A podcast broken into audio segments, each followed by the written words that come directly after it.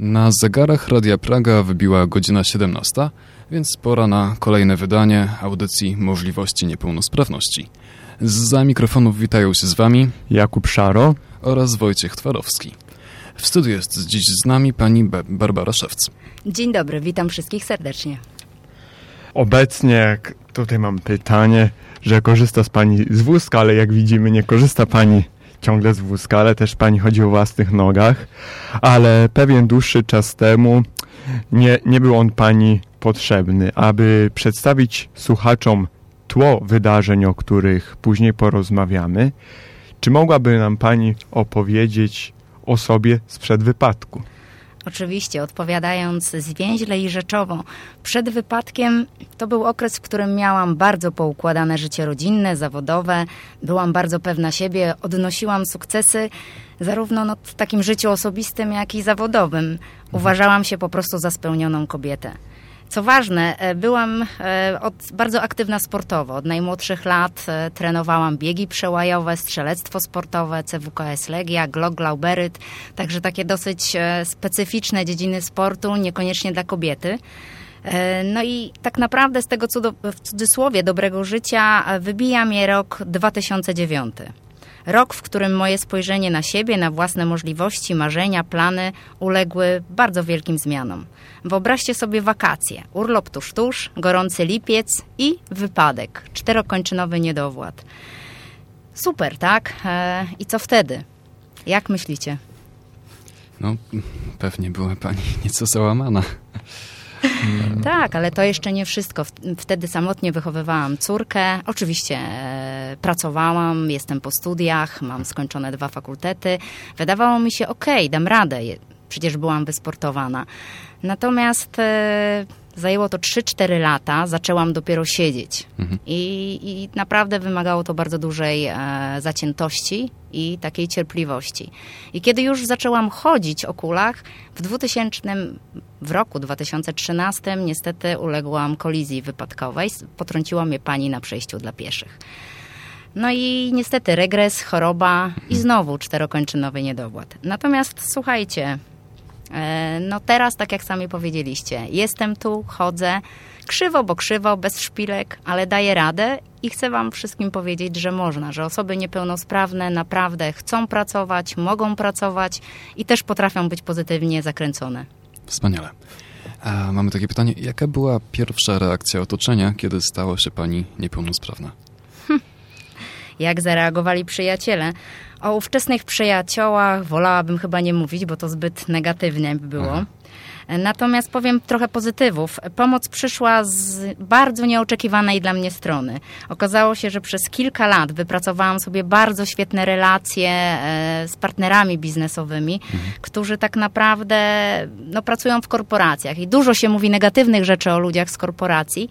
Natomiast no, moi partnerzy, to byli dyrektorzy, prezesi. Jak się tylko dowiedzieli, że jestem w szpitalu, to praktycznie każdy z nich e, dzwonił, wydzwaniał, pytał się, jak można mnie odwiedzić, w czym można mi pomóc. I to było cudowne, kiedy w święta zażyczyłam sobie Chińczyka i, i tego Chińczyka dostałam, tak?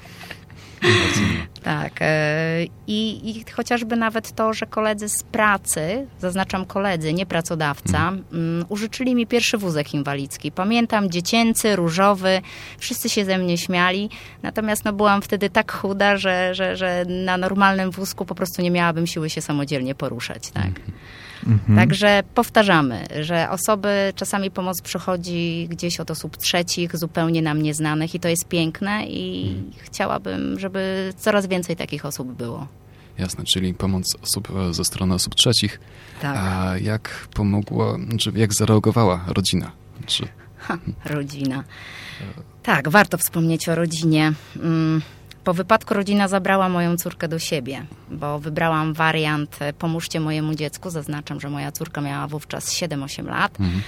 E ja stwierdziłam, że nawet jeżeli jeszcze nie chodzę, tylko czołgam się po ziemi, tak, po podłodze, zostaję w Warszawie. Dlaczego w Warszawie? Bo wiedziałam, że jak pojadę do małej miejscowości, no to tak naj...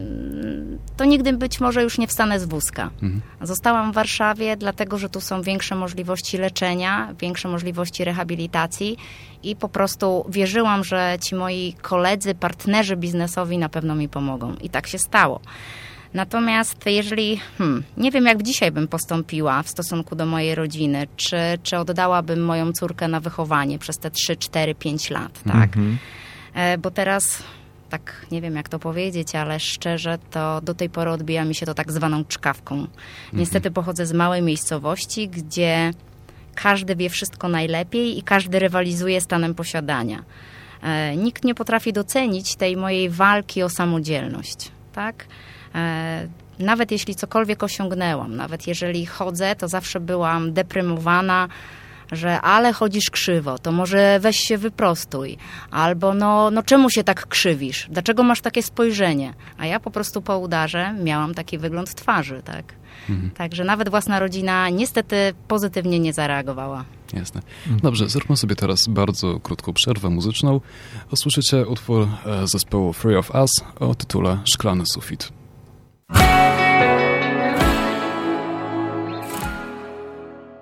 Jak zareagował e, pracodawca?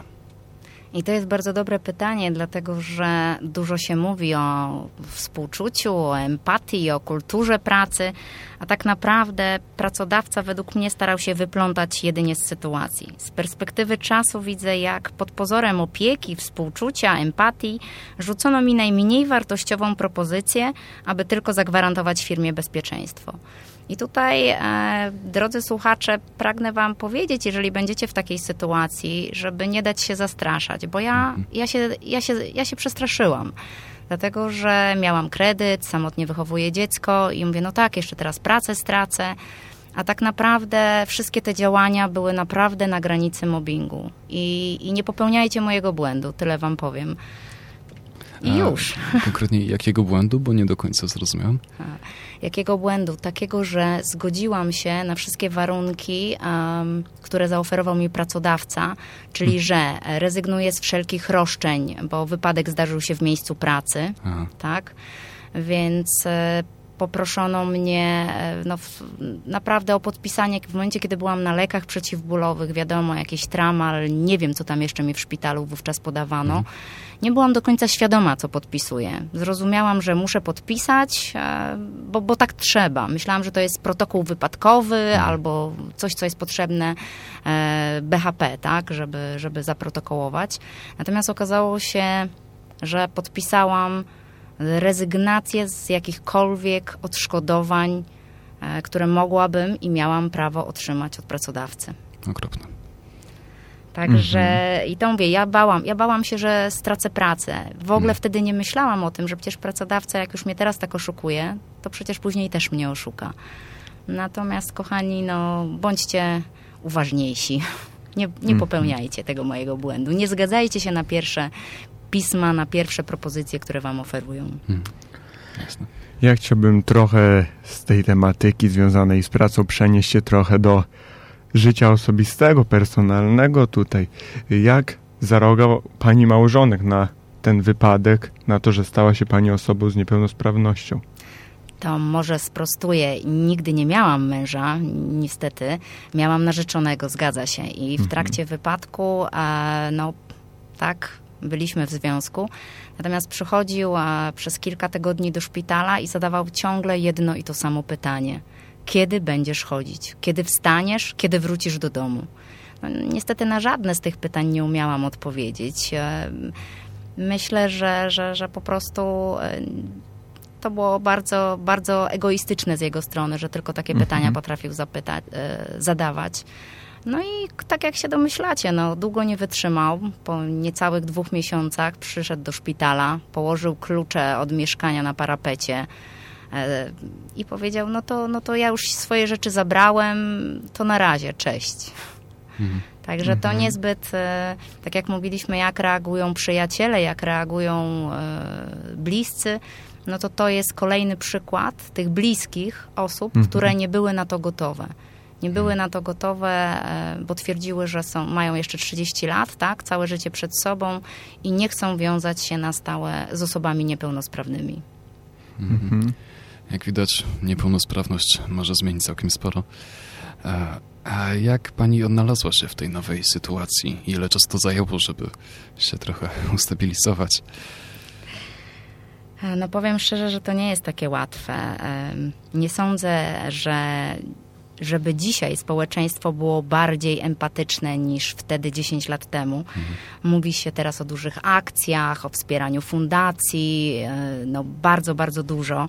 Jednak tak naprawdę ludzie nie wiedzą, jak się zachowywać, tak? E, kiedy obok nich znajduje się osoba z niepełnosprawnością, jakąkolwiek, ruchową e, czy, czy, czy inną. Warto sobie zadać pytanie, dlaczego tak się dzieje? Dlaczego mhm osoby bliskie nam, osoby, które są w naszym otoczeniu, nie wiedzą, jak się zachować. Przykład, jadąc komunikacją miejską do pracy, zaznaczam, e, byłam umalowana, w miarę schludnie ubrana, no, autobus, tramwaj gwałtownie hamuje, ja się przewracam. I jedyne słowa, które słyszę, to o, patrz, narkomanka, albo patrz, już znowu pod wpływem alkoholu. Nikt nie podaje ręki, żeby pomóc mi wstać. Nikt nie sprawdzi, czy, czy może nie potrzebuje jakiejś innej pomocy, tak? Po prostu każdy odwraca głowę w drugą stronę, przechodzi obok i myśli, to mnie nie dotyczy. Mhm. I, tak, i, I tak to właśnie wygląda. E, podczas na przykład e, hmm, wakacji, kiedy byłam na wózku, nie ruszałam jeszcze rękoma, e, pojechałam z bratem i z moją córką na wakacje. No oczywiście, ja już jestem pełnoletnia, tak, po trzydziestce, więc po kolacji brat przynosi jakiegoś drinka, no i siedzimy, rozmawiamy. I jakie komentarze? Patrz, po co ona tu przyjechała? No po co ona tu siedzi? Tylko wiochę robi. A nawet brano brata za mojego partnera i taki fajny facet. Co ona mu narobiła? I to było dla mnie bardzo przykre, ponieważ e, te komentarze przede wszystkim mówili Polacy. Hmm. E, osoby innych narodowości, Niemcy, Szwajcarzy, tak naprawdę w momencie, kiedy widzieli mojego brata i mnie na wózku, zawsze podchodzili, pytali się, czy, czy pomóc, czy coś nam pomóc, tak? W momencie, kiedy winda się zepsuła, to, to nigdy tego nie zapomnę, jak czterech panów kazało mojemu bratu stanąć obok i sami po prostu wzięli w wózek i wnieśli. Polacy nigdy tego nie zrobili. Polacy tylko negatywnie na to patrzyli.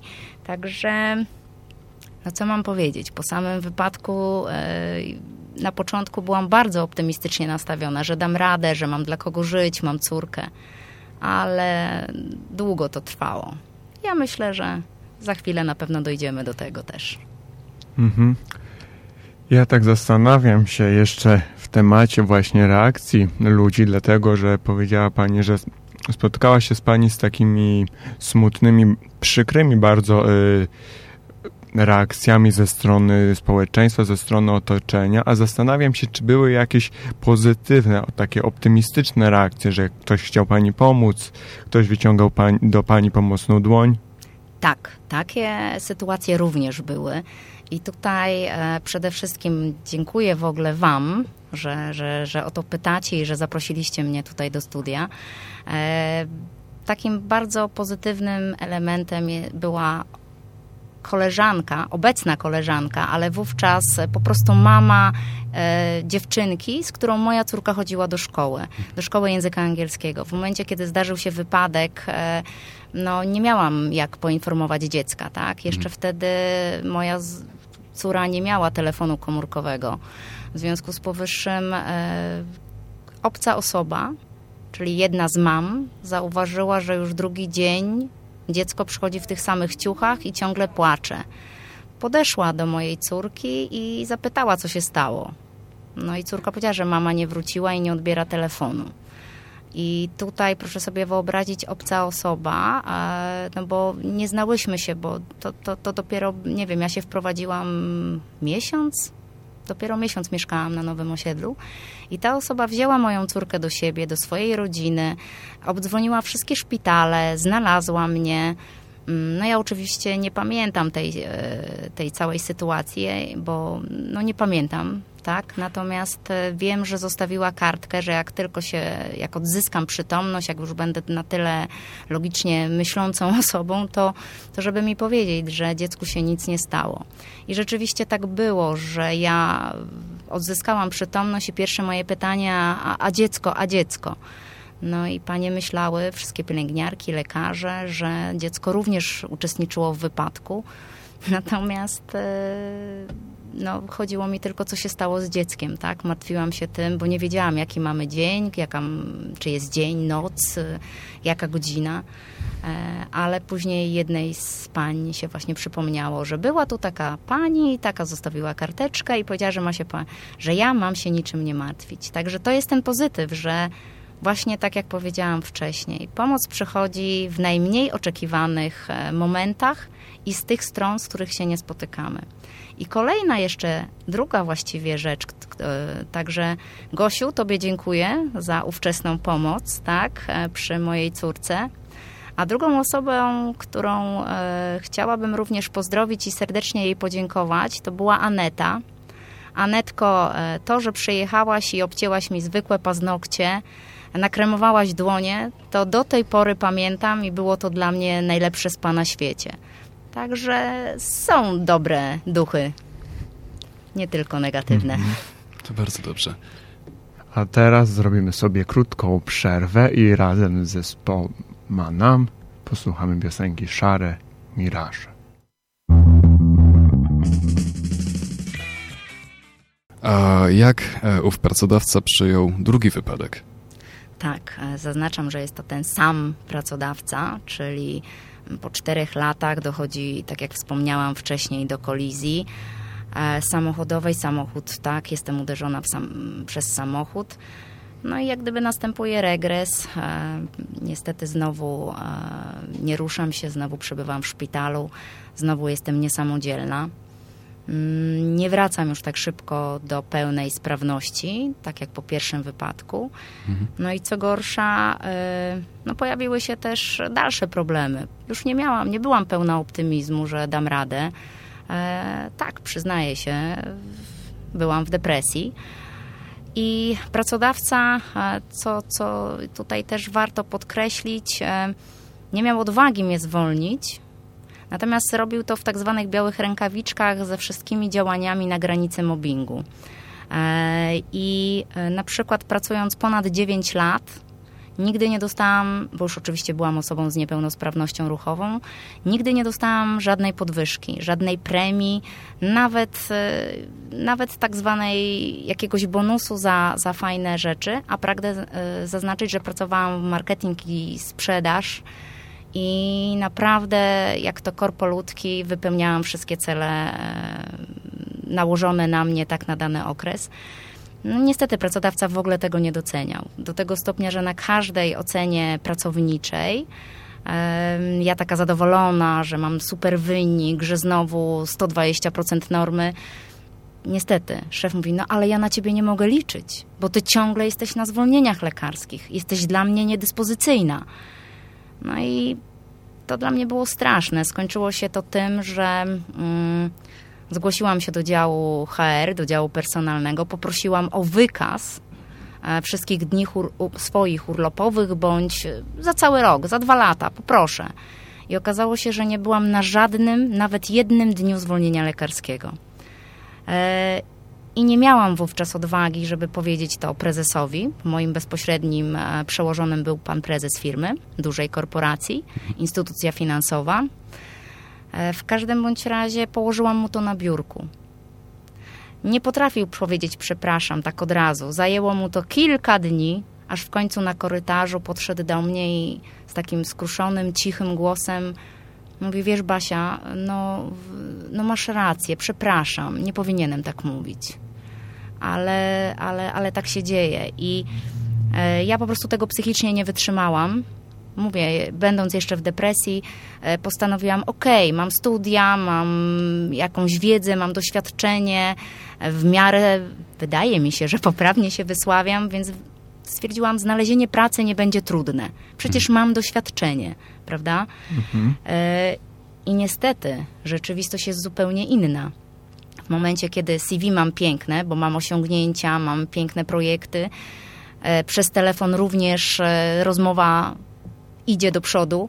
Natomiast w momencie, kiedy przychodzę na takie spotkanie już face to face, no niestety widać, tak, że, że trochę mam krzywą twarz po udarze, że może gdzieś mi kącik, no nie po butoksie, na pewno nie, e, że gdzieś tam ta ręka jest trochę wykrzywiona, że, że ta noga mi jednak gdzieś tak odbiega. I wtedy już nikt się nie skupia na moich kompetencjach, umiejętnościach. Wtedy tylko każdy patrzy na wygląd zewnętrzny. Mhm. E, ba, nawet jeżeli już udało mi się znaleźć pracę, to najczęściej była to najniższa pensja krajowa, a wymagania takie jak średniej klasy menadżer, tak? E, bądź umowa na zlecenie, o dzieło, a najlepiej to na czarno. Bo tak jak ostatnio na tutaj jednym z portali społecznościowych e, napisała pani z Urzędu Gminy. Bo po co zatrudniać e, osobę z niepełnosprawnością? Nie dość, że pracują krócej, bo tylko 7 godzin, no to jeszcze ciągle chodzą na L4. No i ja się z tym nie zgadzam. Ja jestem ewidentnym przykładem i na pewno jest wiele osób e, niepełnosprawnych, które tak jak ja pracują e, rzetelnie, efektywnie, mhm. realizujemy cele i, i do nich dążymy. Potrafimy pracować zespołowo, bo, bo po prostu więcej widzimy i, i po prostu jesteśmy no, bardziej otwarci na różnorodność. To, czego właśnie gdzieś chyba czasami naszemu społeczeństwu brakuje. Tak. To, o czym pani opowiada, to właśnie pokazuje, jak bardzo powszechne są w Polsce stereotypy za granicą nieraz słyszałem, że równe korporacje już teraz zachęcają, żeby wysyłać swoje CV bez zdjęcia, ponieważ nie powinno się ocenić po wyglądzie. W Polsce czegoś takiego nie ma. Może po prostu potrzebny jest pewien proces i to, co tutaj robimy, myślę, że to właśnie jest w tym temacie. Mhm. Ja tak się zacząłem zastanawiać, dlatego powiedziała Pani, że osoby z niepełnosprawnościami są bardziej tolerancyjne, bardziej otwarte i narodziło się w mojej głowie takie pytanie, czy też Pani postrzeganie osób z niepełnosprawnościami zmieniło się po wypadku? Hmm, będę szczera. No muszę się przyznać, że zmieniło się to moje postrzeganie. Wcześniej widziałam, że widziałam i, i, wiedziałam, że są osoby niepełnosprawne, jednak ich nie zauważałam w przestrzeni publicznej. Nie widziałam ich także wśród swoich kolegów i koleżanek tak, w różnych mhm. korporacjach. No, niestety nie było tam nikogo z niepełnosprawnością, jakąkolwiek. E, moja niepełnosprawność nauczyła mnie większej uważności na drugą osobę. Teraz wykazuję większą empatię i wyrozumiałość, cierpliwość. Oczywiście to jest moja ocena, mhm. ale e, też widzę, że, że zaczynam być e, tak postrzegana i taki dostaję czasami feedback od, od moich znajomych, przyjaciół obecnych, zmieniła się ta ekipa. Mm -hmm. I tak jak pan zapytał, czy coś się zmieniło, teraz chcę głośno mówić, że pracodawcy powinni otworzyć się właśnie na, na tę różnorodność, że my, osoby niepełnosprawne, chcemy być na, nie chcemy być na zasiłkach, chcemy i potrafimy pracować. Jednak potrzebujemy, by ktoś zechciał dać nam szansę. Wiem, że nie wszyscy niepełnosprawni i nie we wszystkich zawodach można zatrudnić e, osobę niepełnosprawną, jednak, drodzy słuchacze, może sprawdźmy, czy w naszych firmach nie znalazłoby się stanowisko pracy właśnie dla jakiejś osoby z niepełnosprawnością. Na przykład jako asystent gdzieś tam do wprowadzania danych, faktur, do jakichś prac administracyjno-biurowych. E, ja jako osoba niepełnosprawna obecnie pracuję. Jestem menadżerem fakt, pracujemy w domach, home office, ale chcę powiedzieć, że trafiłam w końcu na firmę, która, e, która jak gdyby no jest mi bardzo, bardzo bliska. To znaczy wie o mojej niepełnosprawności, akceptuje to, a tak naprawdę cały sprzęt jak już podpisałam umowę o pracę, zaznaczam, nie żadną zlecenie, nie żadne odzieło, tylko umowę o pracę. Pracodawca e, nawet opłaca mi dodatkowe ubezpieczenie zdrowotne. E, cały sprzęt, laptop, dodatkowy monitor, jakieś tam myszki, inne potrzebne rzeczy, wszystko pod, dostałam pod drzwi. Mhm. Nie musiałam mhm. nawet nigdzie chodzić i odbierać od kurierów. Także e, naprawdę zmienia się podejście i w tej chwili e, jestem bardziej uważna i dostrzegam potrzeby innych. Dobrze, teraz znowu bardzo krótka przerwa. E, wrócimy na chwilkę muzyką do tematu pracy, trochę bluesowo. Working for a living. E, jak widzimy, pani historia też nie była łatwa. Jak widzimy w różnych miejscach, dostawała pani umowy zlecenie, jakieś śmieciówki, oferowana była pani praca na czarno, ale są też pozytywy. Bo mówimy dużo o negatywach, ale są też przecież jakieś pozytywy. Czy mogłaby nam pani powiedzieć, jakie są pozytywy? No kochani, e, chcę wam powiedzieć, że nie poddałam się, że walczyłam i nadal walczę o siebie. I e, to jest bardzo ważne, żeby przekazywać ten uśmiech podaj dalej. Kiedyś był taki film i ja mhm. myślę, że, że nawet teraz siedząc z wami i widzę, jak wy się uśmiechacie, to od razu mi jest przyjemniej, fajniej, lepiej. I jestem pewna, że kiedy wyjdę z tego studia, na pewno też będę się uśmiechała do innych, bo, bo to jest zarażanie pozytywną energią. Mhm. No i jeżeli tak o sobie troszeczkę, no to rzeczywiście w ubiegłym roku e, straciłam pracę, bo, bo tak naprawdę mój przełożony nie mógł patrzeć na, na to, że mam spastyczną dłoń, wykrzywioną rękę i e, siadał zawsze, znaczy na początku tego nie zauważałam, dopiero po, po pół roku, po sześciu miesiącach zauważyłam, że jak, e, jak może, to siada na drugim końcu sali, tak? No i rzeczywiście, no, zdarzyła się pandemia, no, mieli argument, mi się umowa czasowa kończyła i po prostu tej umowy nie, mm, nie przedłużono. Cały ubiegły rok szukałam pracy. I wyobraźcie sobie, dzięki temu, że się nie poddawałam, e, mm, postanowiłam zainwestować w siebie. Zapisałam się na studia podyplomowe. Mm, w tej chwili mogę się pochwalić, otrzymałam, tak ukończyłam e, kierunek zarządzanie projektami na Akademii Koźmińskiego z oceną bardzo dobrą. E, co mi dały te studia? Po pierwsze, nie załamywałam się, że nie mam pracy, bo miałam przynajmniej jakieś zajęcia, bo mhm. uczyłam się. Kolejna rzecz, e, nabywałam tych umiejętności no, online'owych, bo umówmy się, zajęcia też odbywały się online'owo, więc wszystkie Teamsy i inne tam narzędzia niezbędne. Mm, jestem już w tym biegła, bo, mhm. bo te studia przy okazji mnie nauczyły. I, I to jest bardzo fajne, tak? E, ja wyszłam z domu, zaczęłam e, sama inicjować kontakty z rekruterami i słuchajcie, e, chcę wam powiedzieć, że trafiłam na świetnego rekrutera, Marcina, który chyba też był waszym gościem. Był. Zgadza się. Mm -hmm. No mamy, no muszę powiedzieć, że przez te x lat, e, no praktycznie ponad 10 lat, kiedy jestem osobą niepełnosprawną, spotkałam człowieka, rekrutera, który przeprowadził ze mną ponad 40-minutową pierwszą rozmowę. E, ustaliliśmy sobie, czego szukam, co potrafię, jakie są moje mocne strony.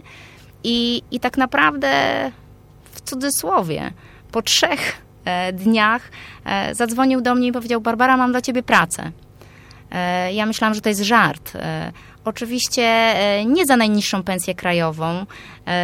I, I to było piękne, bo, bo zaraz po, po jego telefonie na drugi dzień już miałam pierwszą rozmowę rekrutacyjną, a, a w ciągu bodajże dwóch tygodni od tej pierwszej rozmowy miałam już umowę o pracę, o której wspominałam wcześniej. Także, kochani, mhm. są pozytywy i jestem jestem tak naprawdę przykładem e, na to, że osoba niepełnosprawna dalej e, chce się rozwijać, że pracuje, że płacę podatki, że nie jestem bezdomna, nie korzystam z zapomóg, nie żebrzę na ulicach.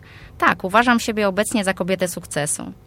Mówię to po to, by obalić mit, że nie warto zatrudniać osób niepełnosprawnych, że niepełnosprawni to tylko mm, korzystają z wszelkich zapomóg, że to darmozjady. No umówmy się, taka, taka chyba jest opinia, prawda? Tak się mówi tak. o niepełnosprawnych. Czy warto też zwrócić uwagę, że to nie jest tak, że takich osób nie ma. Po prostu musimy mm, przestać myśleć stereotypowo, że niepełnosprawni są jacyś, ponieważ z samą niepełnosprawnością wiąże się stosunkowo mała liczba cech. To jest po prostu no właśnie jedna cecha, tak?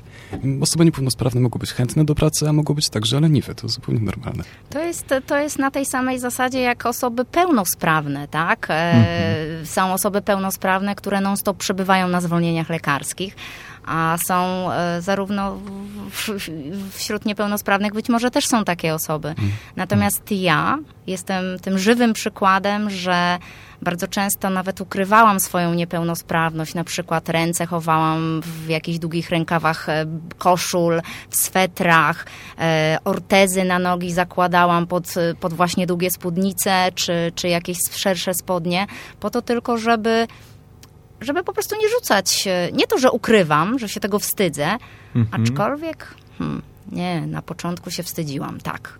Na początku nie akceptowałam tej, tej inności. Wydawało mi się, że wszyscy na mnie patrzą, że, że jestem gorsza. Naprawdę tak myślałam o sobie. Natomiast, e, zwłaszcza po tym drugim wypadku, kiedy mhm. już nie miałam siły i, i, i już nie widziałam sensu, tak? Mm, natomiast e, gdzieś tam też spotkałam fantastyczną osobę, która powiedziała mi, że, że, że warto, warto. Musisz żyć, musisz pokazać, że wyciągnąć czasami pomocną dłoń do innych niepełnosprawnych i, i, i pokazać im, jak, jak żyć, dlatego że, e, że jestem, ktoś mi kiedyś powiedział, jesteś warta tego, żeby żyć. Hmm. I tylko pamiętaj o tym, żeby te dobre cechy przekazywać dalej. I dlatego mam też taki apel do wszystkich osób niepełnosprawnych, jeżeli nas słuchają. Jeżeli będziecie oczekiwali jakiejś pomocy właśnie w przygotowaniu swojego CV albo w przygotowaniu nawet do rozmowy rekrutacyjnej, e, żeby pomóc Wam określić, jakie są Wasze mocne strony, czego się boicie, nawet przeprowadzić wstępną, próbną e, rozmowę rekrutacyjną, jestem do Waszej dyspozycji. Jeżeli chodzi o kontakt, no to na pewno tutaj e, sobie tak. to omówimy. Można do nas napisać na Facebooku, I jakoś dalej przekierujemy. Tak, i na pewno na naszym fanpage'u pojawi się informacja, jak można się z Panią skontaktować. Wspomniała Pani też, że zaczęła Pani działać i też moje pytanie dotyczy tego, co Panią kierowało właśnie, aby podjąć takie działania społeczne, bo z tego co wiem, to działa Pani między innymi w Fundacji McDonalda i też w jednym z domów dziecka. Co mną kierowało? Tak naprawdę nie wiem. Po prostu te, te, te, te dwie sytuacje pojawiły się na mojej drodze. E, pierwszą rzeczywiście... Mm, była, był dom, była dziewczynka. E, podczas, no bo wiadomo, my na rehabilitacjach, jedni chodzą na jakieś pilates, e, no my niepełnosprawni, przynajmniej ja, e, staram się systematycznie ćwiczyć i wy, wykorzystywać czy, czy, czy nawet państwowe możliwości NFZ-owskie, czy, czy naprawdę no już w tym momencie też inwestuję w siebie prywatnie, bo, no bo nie będziemy tutaj mówić o innych takich warunkach polityczno, politycznych. Natomiast e, podczas rehabilitacji widzę dziewczynkę. Widzę dziewczynkę wycofaną, cichą, e, która e, siedzi koło mnie, tak, no bo łóżko w łóżko ćwiczymy. Mamy tego samego rehabilitanta, koszulkę ma jakąś pogryzioną przez mole. Pierwsza moja myśl to była, że może pochodzi z uboższej rodziny, a ja mam przecież po swojej córce tyle świetnych rzeczy, tak? No ale nie wiedziałam, jak e, z nią do niej podejść. Po prostu mhm. zauważyłam. Zauważyłam dziewczynkę wycofaną. No i takie rehabilitacje trwają z 6 tygodni. Po dwóch tygodniach dziewczynka zaczęła odpowiadać mi dzień dobry, cześć. A pani co jest? A co się pani stało? Takie naprawdę bardzo proste pytania, mimo że domyśliłam się, że ma więcej niż 80 lat, tak?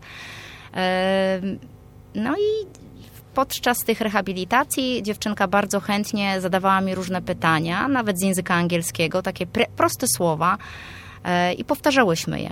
Poprosiła mnie, proszę pani, a może mi przynieść pani takie zadania, takie napisać? Ja mówię, dobrze. Przyniosłam takie zadania.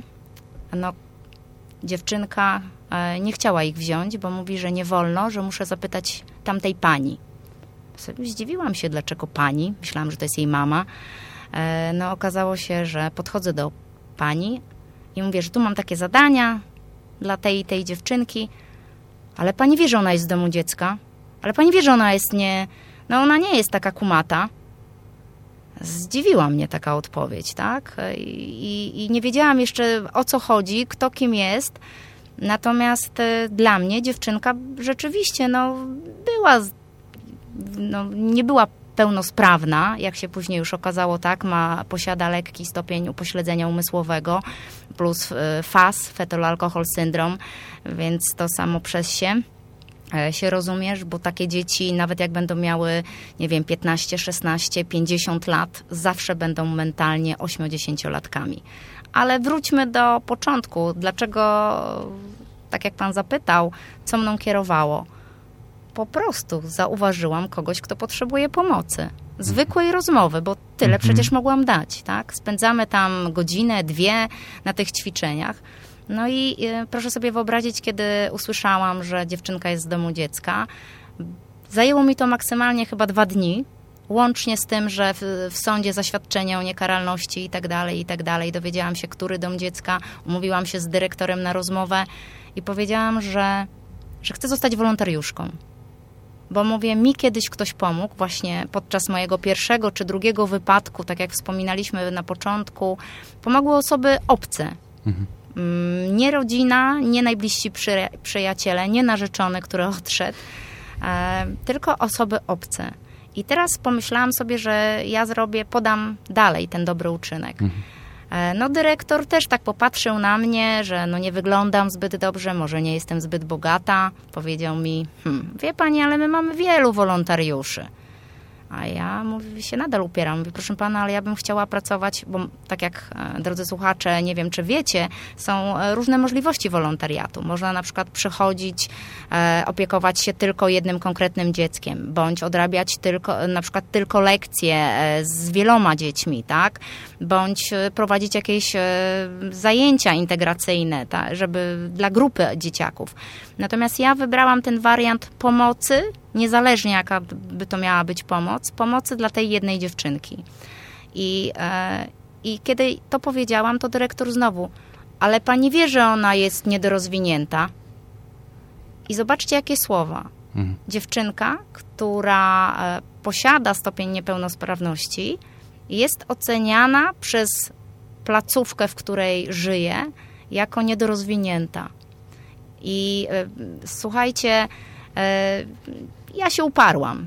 Dyrektor bardzo szybko podpisał ze mną umowę. Praktycznie e, wszyscy się zdziwili, jak, jak ta dziewczynka szybko, bo ona nie była taka chętna do rozmów. Wszyscy byli w szoku, że ona ze mną wychodzi, rozmawia. Codziennie grałyśmy w piłkę. I to było coś pięknego. I odpowiadając na Pana pytanie, to ta dziewczynka mnie uratowała. Po raz drugi, po raz kolejny. Dlatego, że widząc jej uśmiech, widząc jej radość, zrozumiałam, że, że taki jest cel. Podaj dalej. A co wy dzisiaj mhm. zrobicie dla innych? Dzisiaj robimy audycję. Dobrze, tak, to... to też taki, można by powiedzieć, prosty, taki gest od serca, który może komuś pomoże. Miejmy taką nadzieję. A co teraz? Mm, właśnie teraz chciałem powiedzieć, że powoli dobiegamy do końca godziny 17, więc e, będziemy już właśnie kończyć. I chciałbym tak podsumować, e, co właściwie jest nie tak w naszym społeczeństwie i jak to można zmienić. Hmm, co jest nie tak? E, cały czas osoby niepełnosprawne są spychane na margines. Nie zauważa się ich. E, problemy osób niepełnosprawnych nie traktuje się jako problemy społeczeństwa, tylko jako problemy jednostek. E, w wielu firmach wiele się mówi o różnorodności, o wysokiej, wysokiej kulturze pracy, jednak nie zatrudnia się tam nas, osób niepełnosprawnych. A przecież my też jesteśmy rzetelni, efektywni, lojalni jako prac, pracownicy, bo wiemy, jak trudno jest nam znaleźć pracę i, i być po prostu samodzielnym. Nie wiem, czy jeszcze mogę tutaj powiedzieć, bo miałabym tak naprawdę takie cztery apele, które chciałabym wygłosić. Proszę. Dziękuję. E, tak naprawdę pierwszy apel chciałam skierować do rodziców e, niepełnolet, niepełnoletnich, dzieci z niepełnosprawnościami. E, kochani, wychodźcie z takimi dzieciakami na zewnątrz, wychodźcie, korzystajcie z placów zabaw, e, chodźcie do parków, muzeów. Pokażmy dzieciom jak najwięcej świata zewnętrznego. Pokażmy społeczeństwu, że dzieci bywają różne. I zwróćcie proszę uwagę, że dzieci nie mają dystansu do niepełnosprawności, w przeciwieństwie do osób dorosłych. Drugi apel chciałam skierować do rodziców już nieco starszych dzieci, nastolatków e, czy młodzieży, oczywiście również z niepełnosprawnościami. Rodzice, pozwólcie im na samodzielność, na popełnianie błędów, nie bądźcie nadopiekuńczy. Wiem, że trudno się tego słucha, jednak uwierzcie mi, my, osoby niepełnosprawne, potrzebujemy także popełnić jakieś błędy, ponieważ chcemy się dalej uczyć i rozwijać. I trzeci apel kieruję właśnie do tych osób niepełnosprawnych poszukujących pracy. Nie poddawajcie się, wierzę, że warto, wal e, warto walczyć o siebie, nie zamykajcie się tylko w swoich domach. Ja szukałam pracy przez prawie rok. Teraz udało mi się, tak? Tak jak rozmawialiśmy wcześniej, więc i mhm. Wam również się uda. I ostatni apel e, chciałabym skierować do pracodawców, do zarówno przede wszystkim do dużych korporacji, e, do mniejszych firm, Drogi pracodawco, otwórz się na naszą różnorodność. My też kończyliśmy szkoły, studia, kursy. Jesteśmy lojalnymi pracownikami. Włączcie nas do swojej społeczności. Nie bójcie się naszej po prostu inności, tak? My, my jako pracownik jesteśmy świetni w tym wszystkim. I, I tak naprawdę na przestrzeni ostatnich lat dla osób niepełnosprawnych niewiele się zmieniło. Jednak czas pandemii przetestował, nauczył pracodawców, e, że pracując z domu można być efektywnym i rzetelnym pracownikiem. E, I to właśnie jest ogromna szansa dla nas, osób e, niepełnosprawnych, bo wówczas możemy wykonywać obowiązki zawodowe w swoim środowisku domowym. Mm, kolejnym przykładem dobrych rzeczy, co się zmieniło, co trzeba robić, to chociażby wasza audycja, e, która uświadamia społeczeństwo, że, że są takie osoby jak ja, osoby z niepełnosprawnością. Także pamiętajmy o tym. Mhm. Gdyby, mm, gdybyśmy słyszeli naszych słuchaczy, to oczekiwali, oczekiwalibyśmy teraz salwy oklasków. Dziękujemy bardzo Pani. Dziękuję. E, dziękujemy także naszym słuchaczom. Zachęcamy do zajrzenia i obserwowania naszego profilu Możliwości Niepełnosprawności na Facebooku i Instagramie. Przypominamy, że można słuchać nagrań naszych audycji na platformach m.in. YouTube, Spotify, Apple Podcasts, Google Podcasts, Breaker i Anchor. Jeśli znacie kogoś, kto mógłby chcieć wystąpić w naszej audycji, zachęcamy do kontaktu z nami. Do zobaczenia, do usłyszenia za tydzień.